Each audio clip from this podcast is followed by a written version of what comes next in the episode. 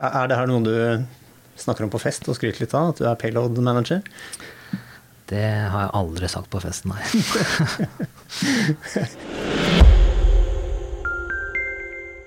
Ugradert, en podkast fra Forsvarets forskningsinstitutt. Hei og velkommen til en ny utgave av Ugradert. I dag så skal vi ut i verdensrommet. Det er ikke så mange som veit det, men Norge er faktisk blitt en slags ekspert på mikrosatellitter. Og, og flere av disse små tingene som flyr rundt i verdensrommet, er designa her på FFI. Eh, hvorfor har Norge egne satellitter, og hva er det de gjør der ute? Det er det vi skal prate om. Eh, også litt om hvordan teknologien eh, fungerer. Eh, jeg sitter her sammen med Andreas Skauen og Knut Svenes. Eh, dere jobber begge med satellitter. Eh, nærmere bestemt den neste norske satellitten som skal skytes opp i 2020. Den heter Norsat 3. Vi skal komme tilbake til den, men aller først så må vi få litt sånne fysiske fakta på bordet.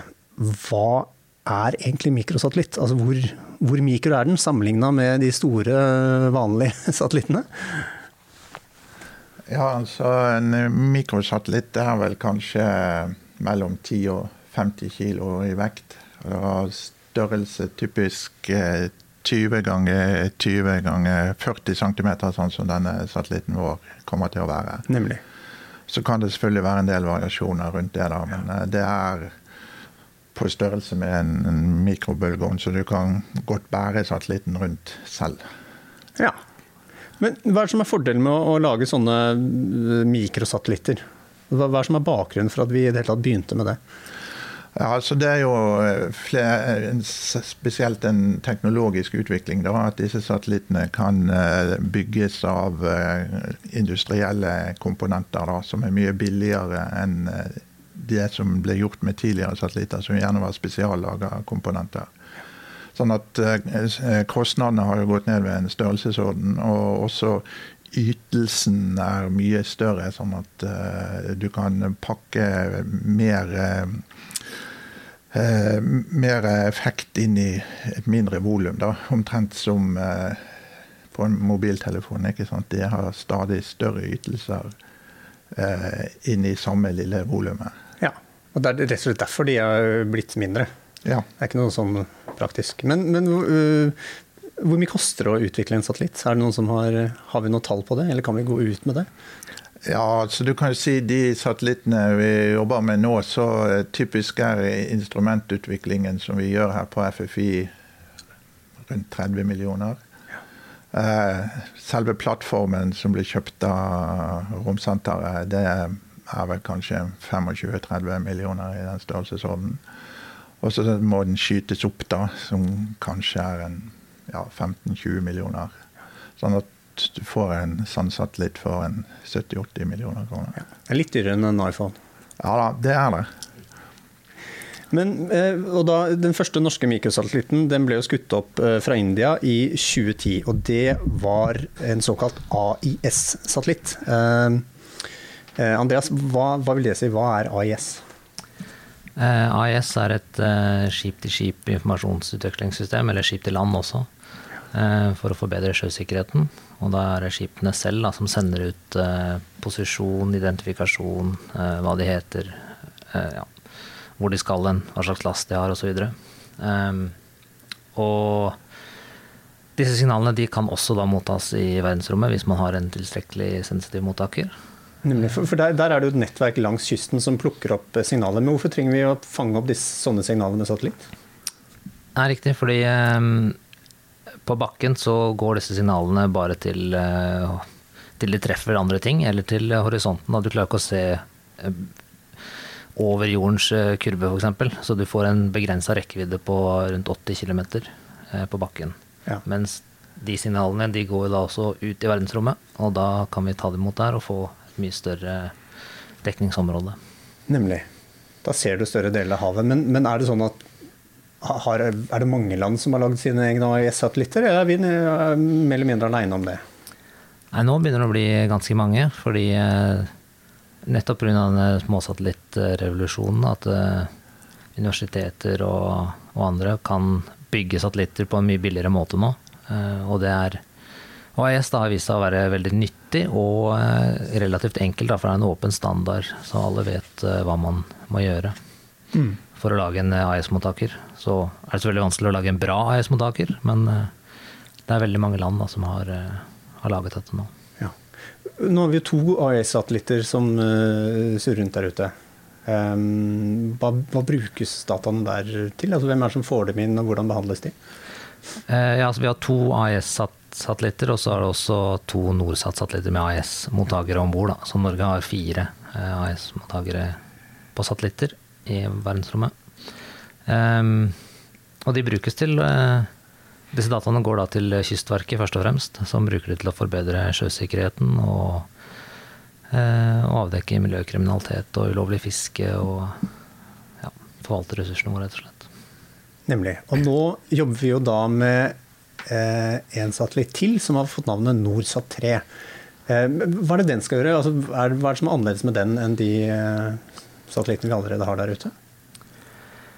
Um, AIS er jo et uh, det vi kaller et kooperativt system. De, der sender skipene aktivt ut sin egen posisjon og, og identitet.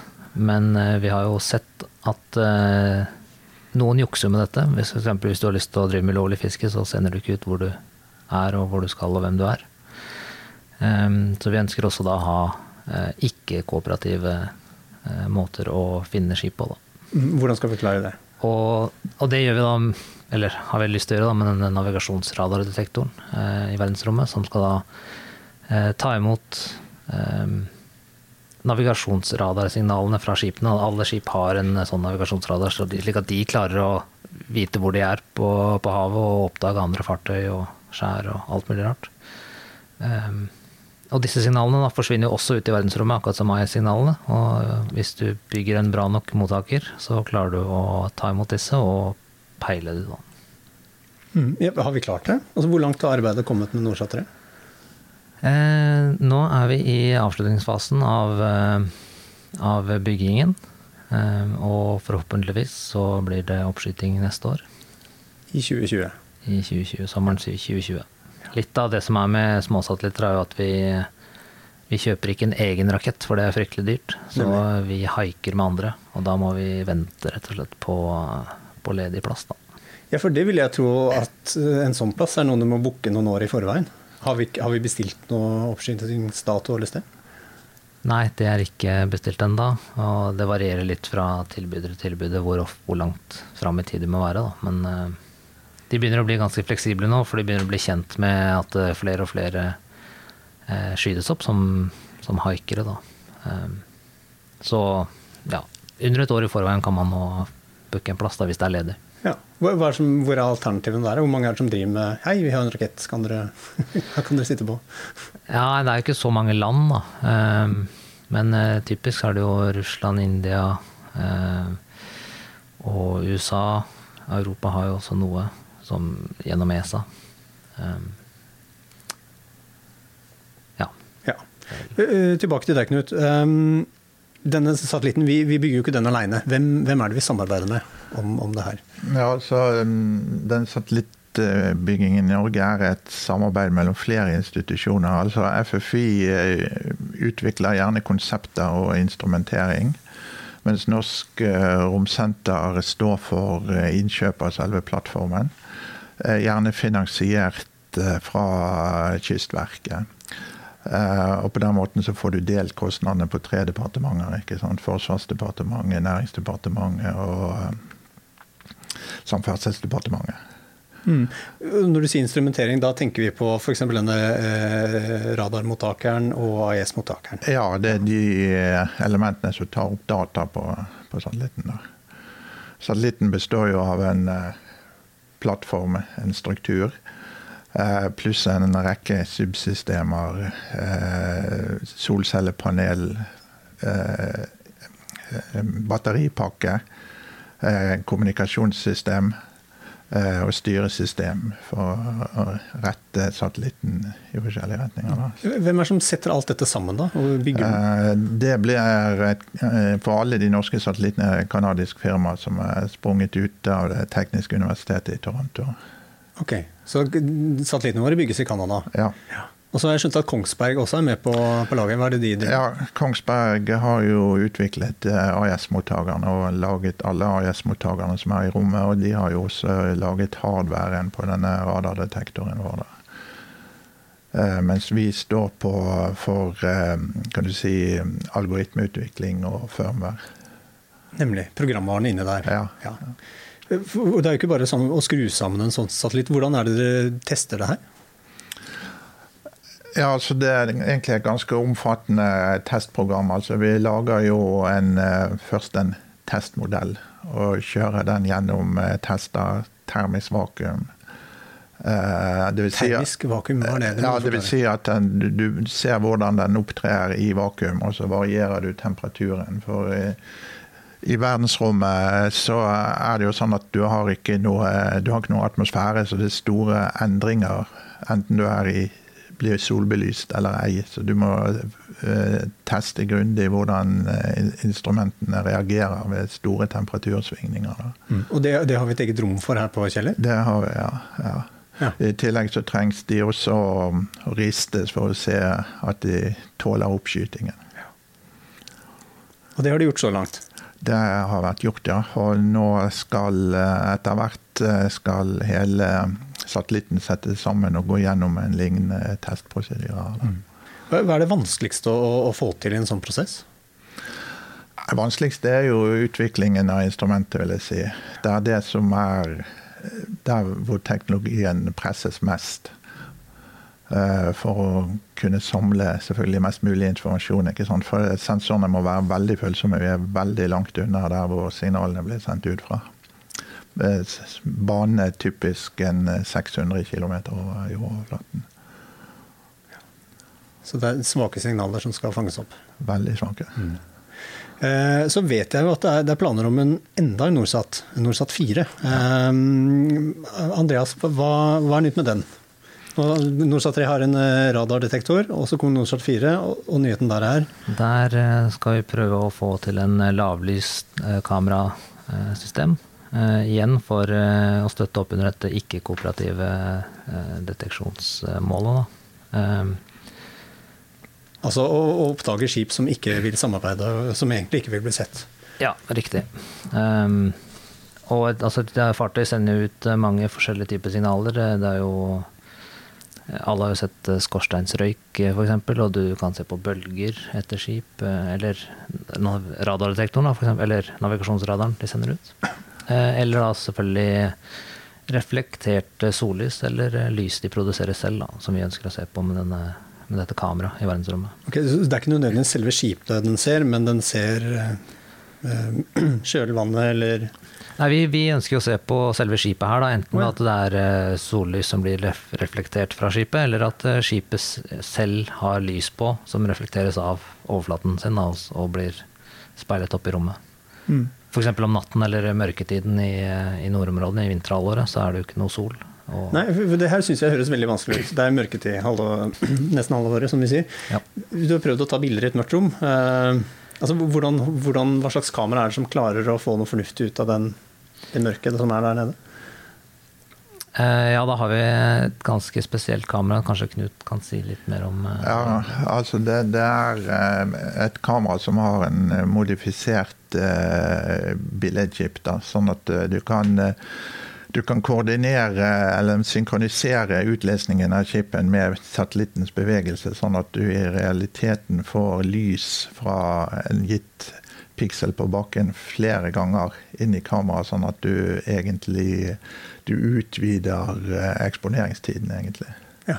Sånn at du, du Det blir flere eksponeringer som legges oppå hverandre. ja, på et vis kan du si alt dette gjøres da i hardware. Pga. denne synkroniseringen. Ikke sant? Du leser det ut som eh, eh, kolonner i en matrise. og Når satellitten flytter seg fremover, så får du et nytt signal fra samme piksel på bakken som du legger til det du fikk fra forrige. Dermed så får du egentlig en integrering av, eh, av bildet i hardware. Nemlig. Men er det optisk kamera? Er det infrarødt? Altså hva slags eh, Det, det, jeg bruker en vanlig silisiumsensor, så det er optisk og litt inn i nær infrarødt. Den er følsom til omtrent 1100 mikrometer. Nei, nanometer. Mm. og da skal den informasjonen kobles sammen med, eller sammenstilles med AIS og radardata for å gi et enda bedre bilde av det som skjer Ja, på satellitten så blir den sammenstilt med i- altså kamera og AIS-mottakeren. Men du kan også bruke informasjon fra andre kilder. Det er jo utviklet her på FFI en såkalt multihypotesetrekker, som kan eh, ta inn data fra mange kilder og sammenligne de dataene for å danne deg et eh, selvkonsistent bilde. Men det er noe som gjøres på bakken. Det gjøres på bakken. Ja, nemlig. For det, hvis vi skulle hatt den operasjonen inn i satellitt, så ville vi kanskje snakka noe litt større Nei, altså du trenger en veldig kraftig prosesseringsenhet i tillegg. Altså det, det er noe vi har diskutert eh, å ha på Norsat 4, men som vi ikke riktig har bestemt oss for ennå. Altså. Nei. Hvor, lang, hvor langt har kommet her, da? Er- pengene og teknologien på plass? Eller? Eh, Ja, så vi har jo allerede skrevet et kontrakt med et fransk firma for å utvikle kamera. Eh, og vi har fått eh, finansiert et prosjekt som skal stå for den, å gjennomføre den utviklingen.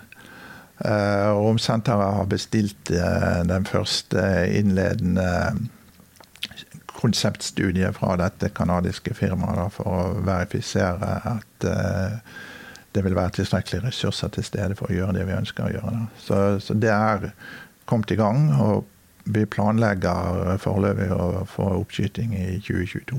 2022, ja. Nemlig. Men først så må vi jo få Norsat 3 opp i, opp i verdensrommet, eh, bokstavelig talt. Eh, og, dere har jo ganske kule titler, syns jeg. Eh, Andreas, du er payload manager, og Knut, du er mission manager. Andreas, hva gjør en payload manager? Eh, ja, en payload manager han er ansvarlig for å få instrumentet til å fungere om bord med de andre systemene på satellitten, og sikre at den tåler det miljøet den skal operere i. Eh, disse termiske svingningene som Knut snakket om, vakuum, eh, stråling, radioaktiv stråling fra verdensrommet. Eh, og at dataene da eh, kan leses over til satellitten og ned til bakken, og tas opp da med den ytelsen vi, vi trenger da, for å gjøre det oppdraget vi skal ha. Kort fortalt, sørge for at instrumentene funker. Er, er det her noe du snakker om på fest og skryter litt av, at du er payload manager? Det har jeg aldri sagt på festen, nei. Men Knut, hvordan, hvordan ser arbeidsdagen ut for en mission manager? Er, er det det du har jobber heltid med, eller har du andre prosjekter også? Eh, Det er det som er hovedjobben min. Ja, ja. Eh, Så det står egentlig for eh, vekselvirkningen med alle de andre institu institusjonene som er involvert i, i selve satellittmissionen. Eh, På Norsa 4 så er det som vi har nevnt, altså Norsk Romsenter, Kystverket, pluss dette franske firmaet som lager imageren. I tillegg til det så ønsker vi å se på muligheten for eh, å lage krypteringssystemer. Så da blir det å å ha kontakt med eh, Eidsvoll Electronics som lager sånne systemer. Eh, Vi har et samarbeid med amerikanske Naval Intelligence Warfare Center i San Diego. Så alle disse, alle disse samarbeidspartnerne må eh, holdes orientert. Det må lages en mengde kontrakter med de forskjellige aktørene.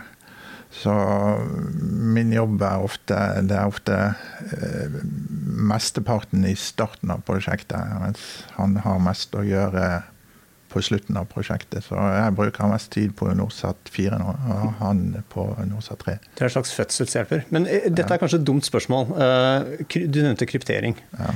Hvorfor må vi ha kryptering her? Eh, Jeg vet jo at med AIS-dataene som vi henter inn, de ligger jo åpne ute. Hvem som helst har egentlig tilgang til dem. Ja, nå, her er det altså Sannsynligvis er det mest eh, kamera som skal krypteres. Men vi ønsker også å kryptere kommandoer til satellitten da, for å beskytte satellittene, så det skal bli vanskeligere for andre å ta kontroll over den. Og hvis vi ser fremover og skal inkorporere satellitter i, eh, i militære operasjoner, så må de være bedre beskyttet. Og da vil gjerne også data fra satellitten bli gradert. Eh, om ett år, hvis vi, hvis vi får til eh, oppskyting sånn som vi har planlagt, hvor, eh, hva skal dere gjøre den dagen det skytes opp? Hvor er dere da? Da er vi forhåpentligvis i eh, kontrollsenteret og venter spent på at eh, data skal komme inn. Vi får kontakt med satellitten og, og kan bruke instrumentet til noe. Ja, og det kontro- kommer det til å være et kontrollsenter her på Kjeller, eller er det sånn fysisk ut der den skal skyte, skytes opp? Eh, nei, det er vel eh, Man kan si det er tredelt. da. Man har jo selve nedlesingsantenna. Den står eh, i Vardø. Eh, og så har man satellittkontrollsenteret. Det er eh, hos Statsatt på Skøyen. Eh, mens vi skal da ha Mission kontrollsenter, som vi har kalt det, da. Men primært for å bruke og programmere den eh. Hmm. Så, ja. Men et, etter at den er skutt opp, så begynner den å sende fra seg data. Vi, altså er dere rett over på Norsat 4 da, eller kommer vi til å gjøre noe eget prosjekt eller jobbe med denne dataen på noen måte? Følge det opp?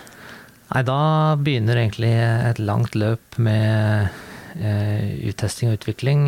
Vi må finne ut av hvor bra fungerer dette systemet utviklet. Hvordan kan vi best utnytte det for, eh, eh, for at brukerne skal få mest nytte av det. Eh, og hvordan skal, vi, hvordan skal vi styre satellitten? Hvordan burde vi, eh, burde vi bruke den?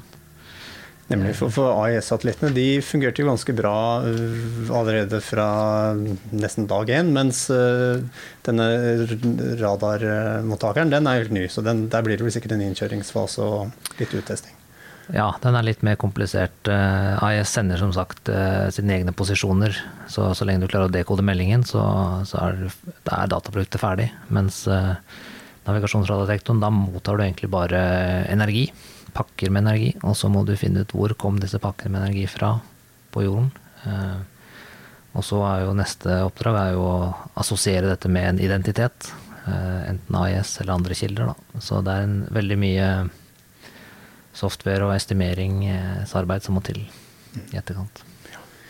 Yes. Tusen takk for at dere kom. Det blir kjempespennende å se hva som skjer uh, når vi får etablert en uh. Så skal vi passe på å legge ut noe mer informasjon om det på våre nettsider. Hvis du som hører på har lyst til å lære mer om mikrosatellitter, så kan du også besøke nettsiden vår eller Norsk Romsenter. Her kan du finne grafikker, filmer og mye annet snadder. Neste podkast fra oss handler om prototypeverkstedet på FFI. Det er der vi lager alle de kule dingsene våre. Takk for i dag.